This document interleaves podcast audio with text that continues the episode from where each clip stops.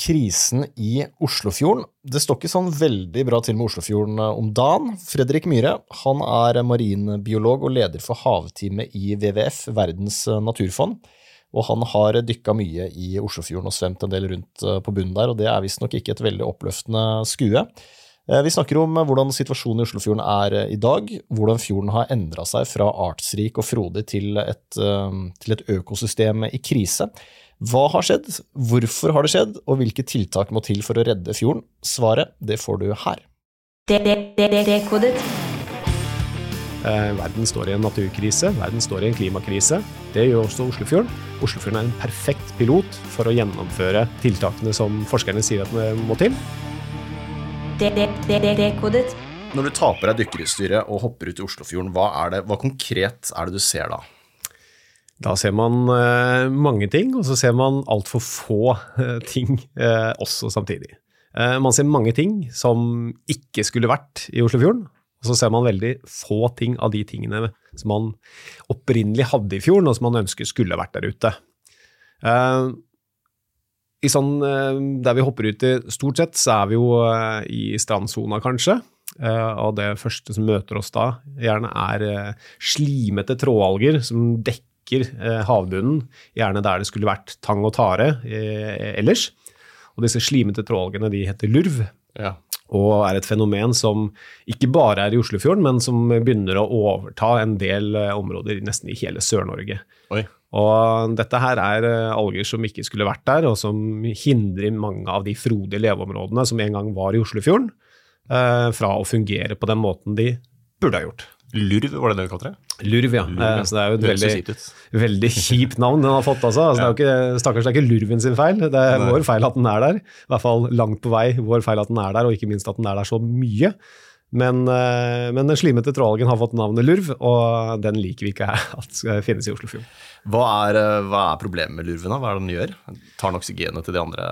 Ja, han gjør det også. Men altså, han, eh, han, legger seg som et sånt kvelende teppe eh, over eh, havbunnen. Og gjerne i de områdene da som eh, både sagtang, blæretang og andre typer tangarter er, og også der som tareartene våre vokser. Så rett som det er, så ser vi områder der vi tidligere hadde ganske frodige sukkertareskoger, eh, som nå da er, eh, ligger under et lag av lurv, og som ikke får den næringa de trenger. Og det får jo da kaskadeeffekter oppover i, eh, i økosystemet, eh, og får en stor påvirkning på andre arter. For det er klart, der er slimete lurv, eh, klarer man ikke å ha det samme mangfoldet av eh, arter, og ikke minst antallet av de ulike individene for artene, i, eh, i de, de, leveområdene. For Sukkertareskogen er mye mer frodig og artsrik, og ikke minst eh, eh, kan opprettholde et mye større antall dyr enn det lurv, området med lurv gjør. Så det vil si at det påvirker både barnehagen, oppvekstområdet og matfatet til de dyrene som bor i Oslofjorden, og også oss mennesker. da. Men er det noen arter igjen, han har sagt, eller er, er Oslofjorden helt, i ferd med å dø? Altså, den er en, eh, Vi pleier å kalle den en syk pasient som trenger umiddelbar hjelp. Den er ikke død. Eh, og den er ikke sånn kunstig holdt i live heller. Det er fremdeles en del liv, heldigvis. Men det er forsvinnende lite kontra hvordan det skulle ha vært. Og hvis vi ikke gjør noen grep nå, så står vi i fare for å miste veldig stor eh, del av det dyre dyrelivet og de leveområdene som finnes i fjorden. Og da er det mye mye vanskeligere å få det tilbake igjen enn hvis vi nå setter i gang de tiltakene som forskerne har ropt om lenge. Eh, og det, det, handler jo ikke om at vi ikke har kunnskapen, og det handler jo ikke om at, ikke at vi har teknologien. Det handler stort sett om politisk vilje. Men Hvis vi sammenligner Oslofjorden før og nå, hvordan så Oslofjorden ut da den var frodig og artsrik? Så Oslofjorden var en av de rikeste fjordene av sitt slag i hele verden eh, bare for noen hundre år siden. Og det var jo ikke ukjent fenomen at uh, du hadde jo både eh, store hvalforekomster, altså finnhval, verdens nest største hval, fantes i, i, Oslofjorden. Den ble til og med jakta her. Uh, og man har jo rapporter, eller har liksom data på og bilder fra at finnhval ligger til, uh, til oppskjæring utafor Tønsberg f.eks., for eksempel, fordi man mm. hadde hvaljakt i, i området. Eh, ikke minst så kom det jo fiskere fra fjern og nært eh, for å fiske i Oslofjorden. Det høres jo helt utenkelig ut i dag når vi snakker om mm. yrkesfiskere. Men det var enorme forekomster av f.eks. Sild, som, eh, som både hvalene spiste, men, men, også som, som, vi mennesker fiska på. Da. I tillegg så var det jo en rik bestand av torsk, f.eks., mm. eh, som, som man kunne nyttiggjøre seg av. Ja, men jeg leste at Det var ikke uvanlig, uvanlig å få en torsk på 10-12 kilo. Liksom, på nei, nei, nei. Og det var ikke uvanlig heller å se flere hundre makrellstørjer komme svømmende inn i fjorden. ikke sant? Altså disse blåfinna tunfiskene. Så fjorden var kjemperik, eh, både, på, både, på, naturverdier og dyreliv som sådan, men også for eh, altså disse verdiene som mennesker kunne høste av. da. Men dette forfallet, har det liksom gått sånn gradvis, eller har det akselerert de siste åra? Har du liksom sett forskjell når du har vært ute og dykka? Ti år siden kontra nå, liksom? Ja, altså jeg vil si begge deler, dessverre. Eh, altså Den har gått gradvis eh, på en del ting. Eh, og så ser vi altså Selv jeg Nå har ikke greit å begynne å dra noen år på baken, men, men jeg anser meg ikke sånn, sånn steingammal ennå, heldigvis. Men, men, altså de siste, bare de siste 20 årene da, med dykkermaske på, så ser vi en enorm forskjell på spesielt leveområdene når det gjelder denne slimete trådalgen lurv da, som, som har kommet inn, f.eks. I tillegg så ser vi jo at det er færre hummer som eh, krabber rundt på havbunnen enn eh, det det var når vi starta å dykke. Eh, I tillegg så har områdene med, eller de gangene vi ser kysttorsk, f.eks., eller torsk, da, mm. blitt langt færre. Og vi ser ja. nesten ikke småtorsk i det hele tatt. Hm. Søppel og sånn? Det er også et problem, er det ikke det? Jo, det er klart plastsøppel er et stort problem, og, og det har heller ikke minka i omfang.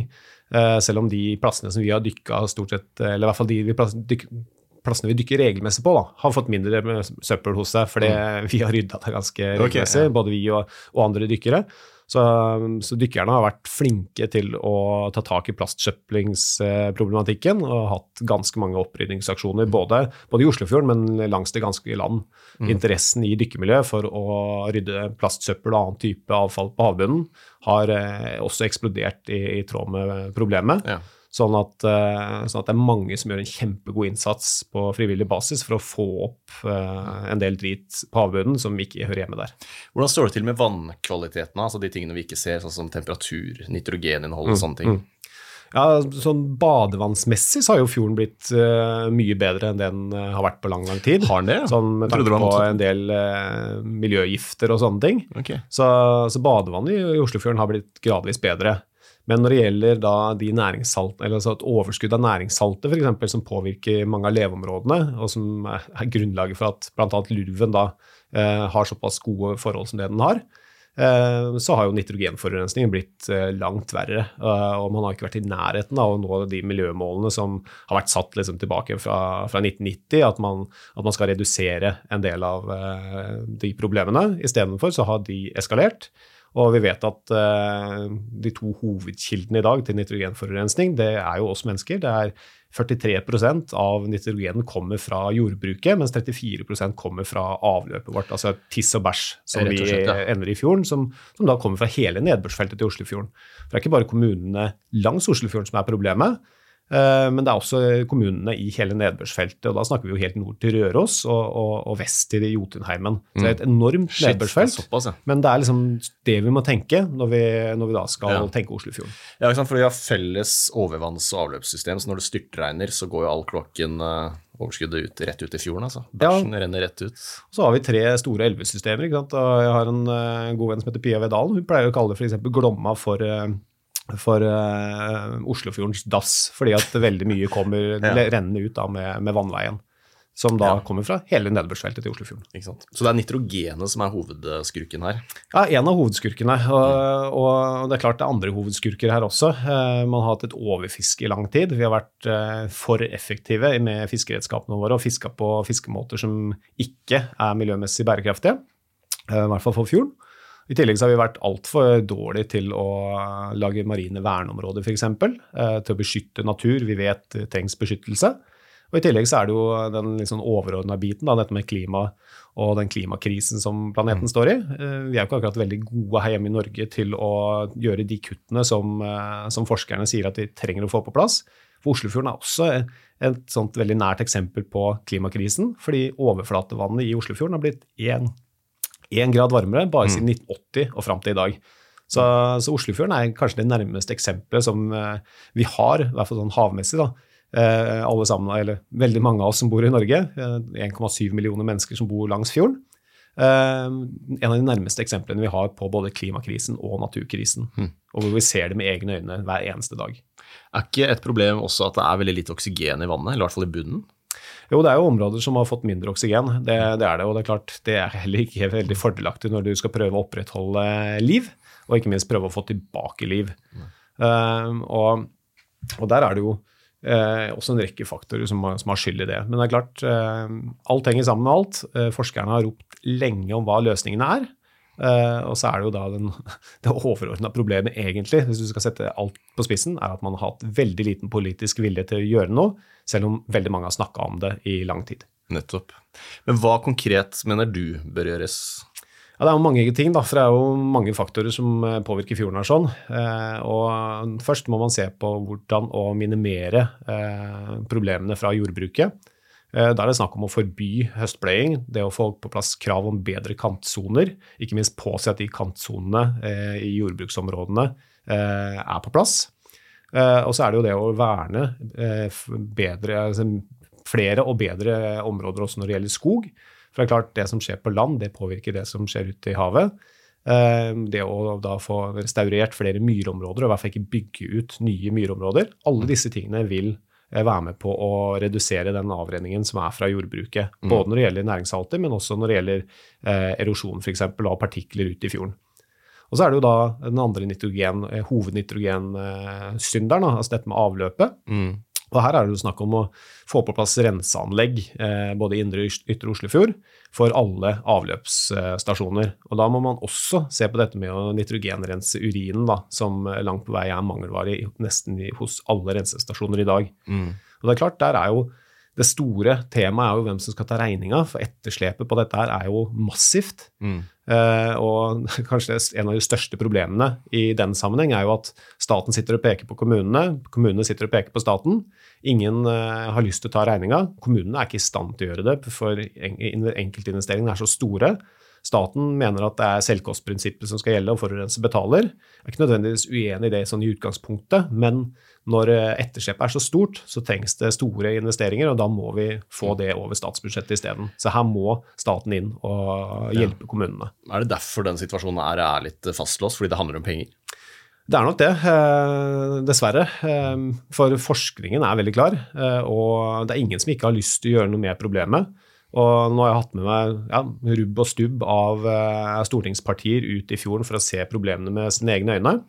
Uh, og det er ingen av de, som, uh, av de part politiske partiene vi har snakka med, altså alle politiske partiene som er på Stortinget i denne saken her, som ikke har lyst til å gjøre noe tiltak for å få livet tilbake igjen i fjorden. Men, eh, men, det store problemet har vært liksom å få den politiske handlingen bak de ordene, og ikke minst da få på plass konkrete løsninger som penger til å mm. investere i renseanlegg, f.eks. Ja. Men hvor, liksom, hvor, skal man legge ansvaret her? Er det den enkelte kommunen, eller er det staten, eller må det være et samarbeid mellom kommune og stat og næringsliv, kanskje? Det er, en, det er en, du er mer inne på miksen av ting på slutt der, tenker jeg. Ja. Eh, altså, det må være et samarbeid på tvers. Eh, ingen kan gjøre alt dette her alene, eh, selv ikke staten. Men staten altså, har tross alt det overordna ansvaret. Regjeringen sitter med det. Uh, og dette ligger jo da hovedsakelig under Klima- og miljødepartementet. sånn at det, mm. det er uh, klima- og miljøministeren, da, Andreas Bjelland Eriksen, som, som, liksom må komme på ba banen her sånn i, i, stor grad og sørge for den koordineringen. Og så er det da opp til selvfølgelig uh, også hver enkelt kommune å følge de retningslinjene eller kravene som kommer fra, fra staten.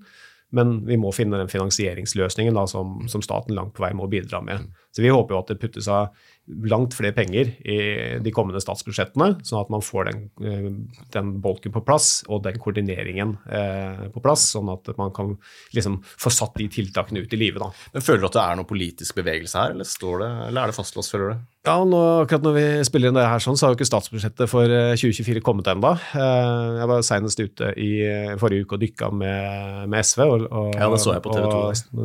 Den, den, kandidaten, eller den stortingskandidaten da, som, som, har ansvar for energi- og miljøkomité der, Lars Haltbrekken. Uh, og det var jo i forbindelse med at uh, SV har stilt krav til uh, regjeringen da, i forhandlingene om at man skal legge 22 nye millioner kroner på bordet til arbeid i Oslofjorden. Og da er det spesielt dette med, dette med å redusere problemene fra avløp da, som, som, mm. ligger i det. Så Det er klart, det er politisk bevegelse her. sånn. Nå får vi jo se hva resultatet blir av det statsbudsjettet når det kommer. Og ikke minst så må vi se på en oppskalering både når det gjelder avløpssituasjonen, men også de andre problemene da, som, mm. uh, som Oslofjorden er. Og det er en del sånn quick fix som kan tas med en gang. Eh, altså det å se på hvordan fiskeriene eh, forvaltes, det å fjerne den dispensasjonen som en del yrkesfiskere har på spesielt bunntråling i, i Oslofjorden. Eh, bare få, få, bort de dispensasjonene og følge de anbefalingene som er fra forskeren på at her skal det ikke bunntråles, eh, er ganske enkelt å få inn. I tillegg så må man se på da fritidsfiskeren, som også har en eh, altså Det er ganske mange fritidsfiskere langs fjorden. Sørge for at uh, de fritidsfiskerne har mye bedre informasjon om hvor det er lov å fiske, og når det er lov å fiske, og hvilke arter ikke minst det er lov å fiske. Og hva man skal gjøre med arter man får som ikke er lov å fiske. Uh, kanskje man må til og med se på å gå så langt som at man må finne områder som det ikke skal fiskes i i langt større grad. Eh, men også se litt mer på helheten. Mm. ok, Er det andre typer aktiviteter enn fiskeriene også vi må mm. eh, sørge for ikke er i et område? Eh, det å lage da flere marine verneområder da, i, i, Oslofjorden. Hva med alle disse fritidsbåtene som tømmer septiktanken rett ut i fjorden? Er det også med på å bidra til at uh fjorden blir forurensa? Ja, i aller høyeste grad. Det er ganske mange av dem om sommeren? altså. Det, det, er det. Eh, de er ikke den største kilden til nitrogenforurensninga, det er de ikke. Eh, altså Jordbruket og, og, avløp fra land er mm. uten tvil mye større bidragsyter til det. Men eh, det er likevel eh, en del, eh, altså noen prosenter, som, som kommer også fra fritidsbåtene. Og det å få krav om, eh, for, eller rett og slett forbud mot tømming av septik, krav om bruk av tømmestasjoner isteden, er en sånn enkel quick fix som, ja. Eh, som eh, allerede ble lovet når Espen Barth Eide var klima- og miljøminister. Nå har vi en ny minister som jeg håper tar tak i det og følger det opp, mm. de, de lovnadene som kom i den tid. For det, det, begynner ja, det er over et år siden at, at vi snakka om ja. det også, med, med politisk ledelse, og, og, som det langt på vei ble lovet at det skulle komme. Vi, vi, sitter og venter ennå. Ja, ja. At ting drar ut, det høres eh, kjent ut. Ja. Men, eh, men, 22 millioner, jeg syns det hørtes puslete ut. Det. det er ikke mye penger, det. Nei, altså det er en start. Eh, ja. Og det er i hvert fall penger som kan da gå til å se på hva som faktisk trengs av oppskaleringer. At man får liksom satt i gang noen pilotprosjekter, og i tillegg at man finner ut av hvor er det best å koordinere eh, mellom de ulike kommunene, sånn at man kan legge de fornuftige løsningene på mm. hvor rensestasjonene skal være. Og ikke minst man ikke skal bruke ordet tvang, som i hvert fall eh, langt vei oppfordrer kommunene til å finne løsninger som fungerer for kommunene sammen, eh, og sette da krav til at man må komme med en løsning innen en viss tid. For eh, altså, vi ser jo også at enkelte kommuner er veldig dårlige til samarbeidet når det gjelder akkurat dette med, med renseanleggene sine.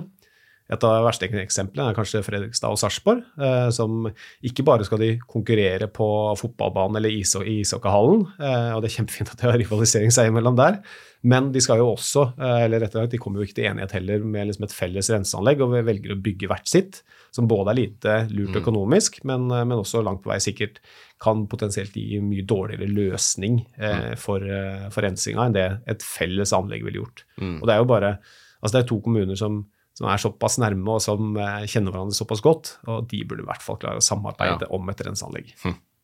Men det at det har blitt som det har blitt, da kan det handle om at det som skjer under havet, det, det ser vi ikke. liksom Ut av syne, ut av sinn. Uh, og det blir liksom neglisjert, da, nettopp pga. det? Ja, uten tvil, vil jeg si. Uh, veldig ofte så Jeg husker sånn tilbake når jeg starta i den jobben her, sånn, nå har jeg vært i WWF i tolv år.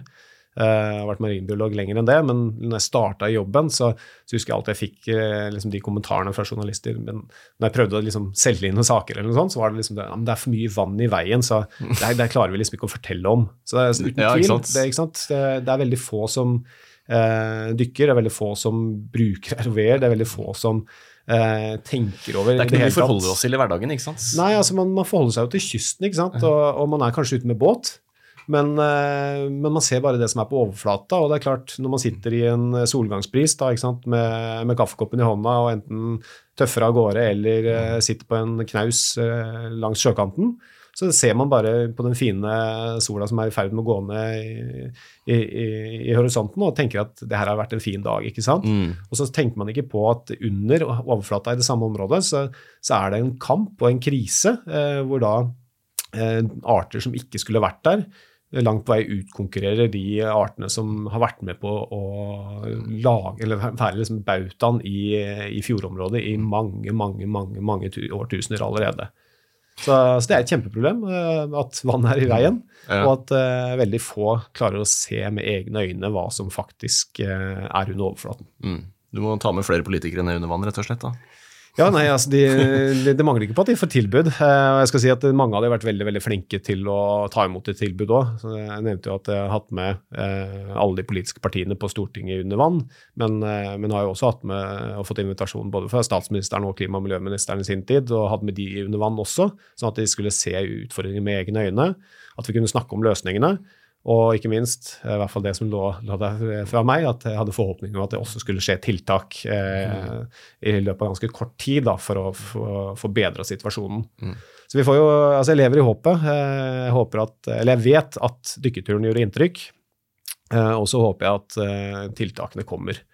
Eh, men vi begynner å få dårlig tid, og hvis ikke vi klarer å løse utfordringen som er i Oslofjorden, hvordan i alle dager skal vi løse de globale utfordringene som vi står midt oppi også? Eh, verden står i en naturkrise, verden står i en klimakrise. Det gjør også Oslofjorden. Oslofjorden er en perfekt pilot for å gjennomføre et, de tiltakene som forskerne sier at må til. Og så kan vi vise at det å faktisk gjøre hva forskerne sier, mm. eh, utgjør en forskjell, og ikke minst vil bety både mer natur for oss alle, og ikke minst friskere, bedre økosystemer og eh, verdier som vi kan eh, høste av og nyte godt av i all overskuelig fremtid. Har vi ikke også undertegnet den der naturavtalen eller naturvern, hva heter den? Ja da, eh, det har vi også. Ja. Eh, og der var Norge kjempeflinke til å være en av pådriverne eh, for den globale naturavtalen som kom på plass i Montreal i fjor. Ja. Og der også var Norge en av de aller mest aktive for å få inn natur i havet. Så, så Norge, det er, det er, litt sånn Norge ofte er. da, Vi er flinke, flinke i en del internasjonale fora. Uh, ikke alle, riktignok, men i en del internasjonale fora. Uh, og, og når man da skal ta med de ja, for der er det stående hjem, applaus ikke sant, og klapping ja. og dette. Nå undertegnet og dette ja, ja, og de, de, fikk stående applaus av oss også. Uh, som sagt, ja. Norge var veldig flinke i, i, den prosessen der sånn, når det gjaldt den globale naturavtalen. og så har man jo lovt at man skal komme, få på plass en handlingsplan for naturavtalen her hjemme, og den skal komme neste år.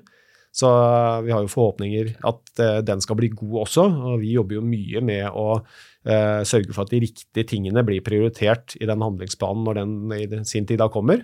Og det er klart, uh, det å få på plass flere og bedre verneområder, både når det gjelder skog, myr og ikke minst da ute i havet, eller langs kysten og i havet, er en av de elementene som ligger i den naturavtalen.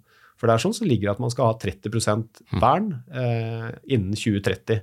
Og ser man på Norge igjen når det gjelder vern da, eh, til havs, eller langs kysten og til havs, hvis du tar med sjøarealet vårt, så har vi ca. verna 1 av norsk natur eh, per i dag.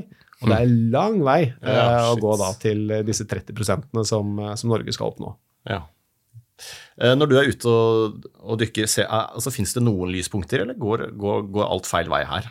Er det noen steder i Oslofjorden du ser at ok, her begynner det å vokse fram noe Heldigvis har man noen steder som ikke er så hardt uh, angrepet ennå, uh, og som, som, er ganske fine. Uh, og som da, når jeg svømmer gjennom de områdene, så tenker jeg at oi, sånn skulle det vært flere steder i Oslofjorden. Ja. Og, og, de kan du finne selv liksom, på mange, ganske nærme en del av de områdene som er ganske hardt infisert av lurv f.eks. osv. Eh, det at man har vegger dekka av dødmannshånd og, og tarmsjøpunger osv. Altså, arter som, som, er kjempefine å se på. Du har begerkoraller som, som, vokser på, eller ikke vokser, de, de sitter på veggen, det er dyr. Eh, og plutselig så kommer det over en, en seisstime eller en lyrstime også, hvis det, hvis det, er, heldig. Og så krabber det kanskje i tillegg to hummer ved, ved siden av. Mm. Og det, det, gir litt inntrykk av hvordan det egentlig burde ha vært da, eh, langt flere steder i fjorden.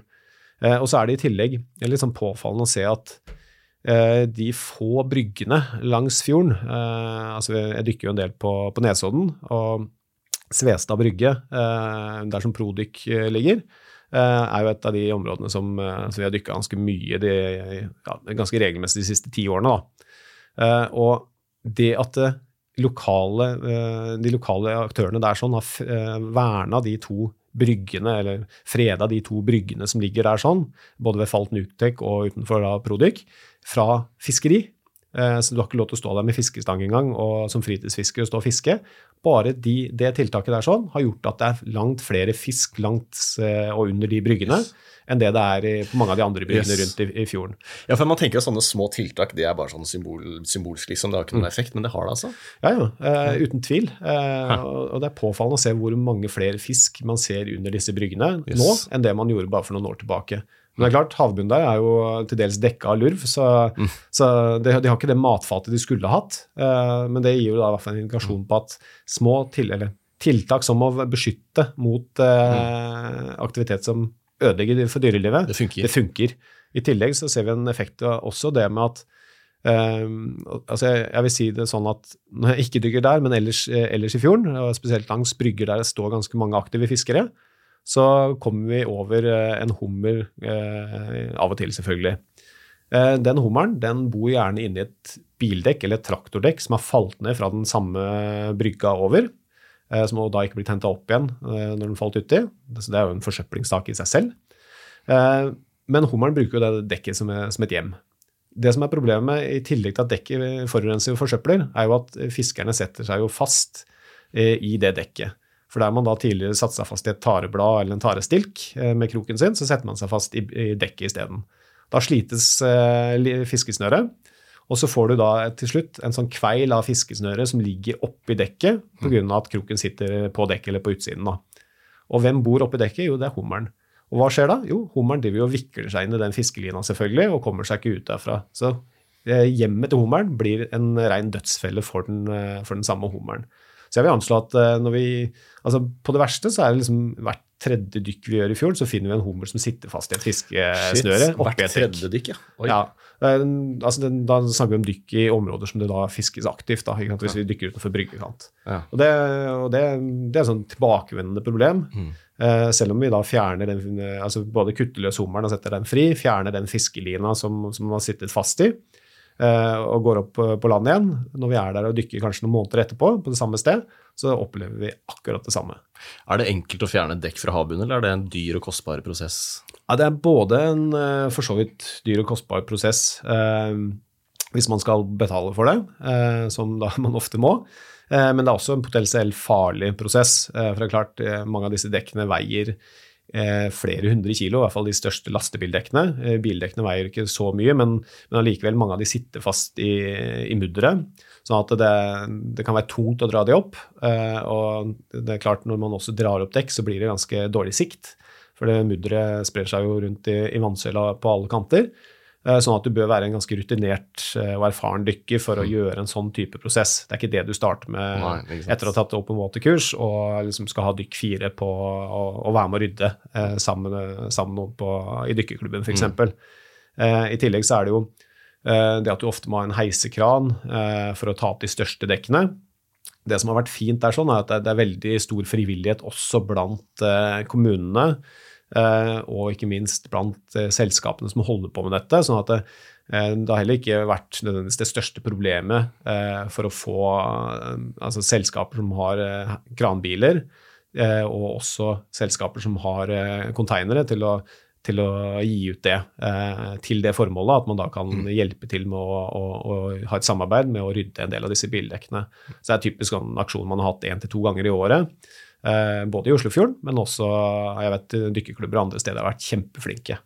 Ja, Så bra. Mm. Eh, men når vi snakker om å, å, redde Oslofjorden, handler det om å redde stumpene, eller kan vi se for oss at vi kan få tilbake fjorden sånn som man var på 70-tallet? Uh, tror, du, tror, du vi kommer til et punkt der dykkere fra hele verden kommer til Oslofjorden fordi det er så frodig og artsrikt her? Liksom? Er det mulig? Er det en drøm?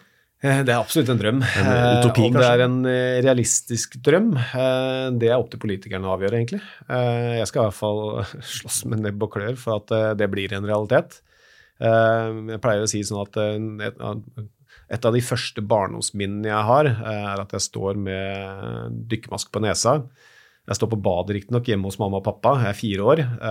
og står der sånn en sånn grønn kordfløyelsbukse, bar overkropp, og da dykkermaske på nesa står og dykker i den blå servanten som eh, vi hadde på badet den gangen, og ser på sluket eh, alle ting. Jeg syntes det var kjempespennende bare å være, ha hodet under vann. ikke sant? Etter hvert så dro jeg med meg den samme dykkermaska på stranda eh, i Oslofjorden. Jeg er født og oppvokst på Jeløya utenfor Moss. Sånn at jeg brukte jo aktivt der strendene veldig mye.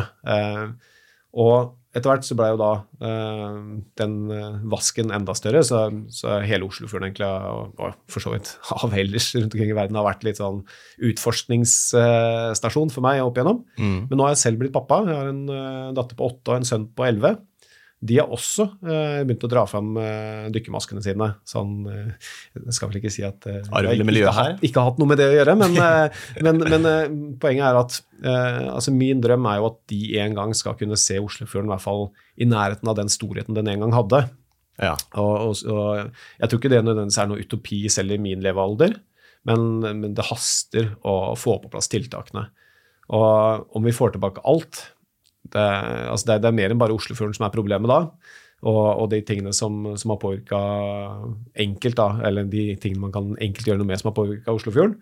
Men, men allikevel, vi kan få tilbake veldig mye. Og, og det er også sånn, heldigvis, at eh, hvis man faktisk gjør de grepene som forskerne sier, eh, så, så, er det sånn at naturen henter seg overraskende fort inn igjen i mange ganger. Ja, hvor mange år snakker vi om her av best case scenario, tror du? Nei, altså, man snakker, på ti år, liksom? Ja, nei, altså, ti år ville gjort en del, uh, men man snakker jo lenger løp enn det. Mm. Eh, det gjør man.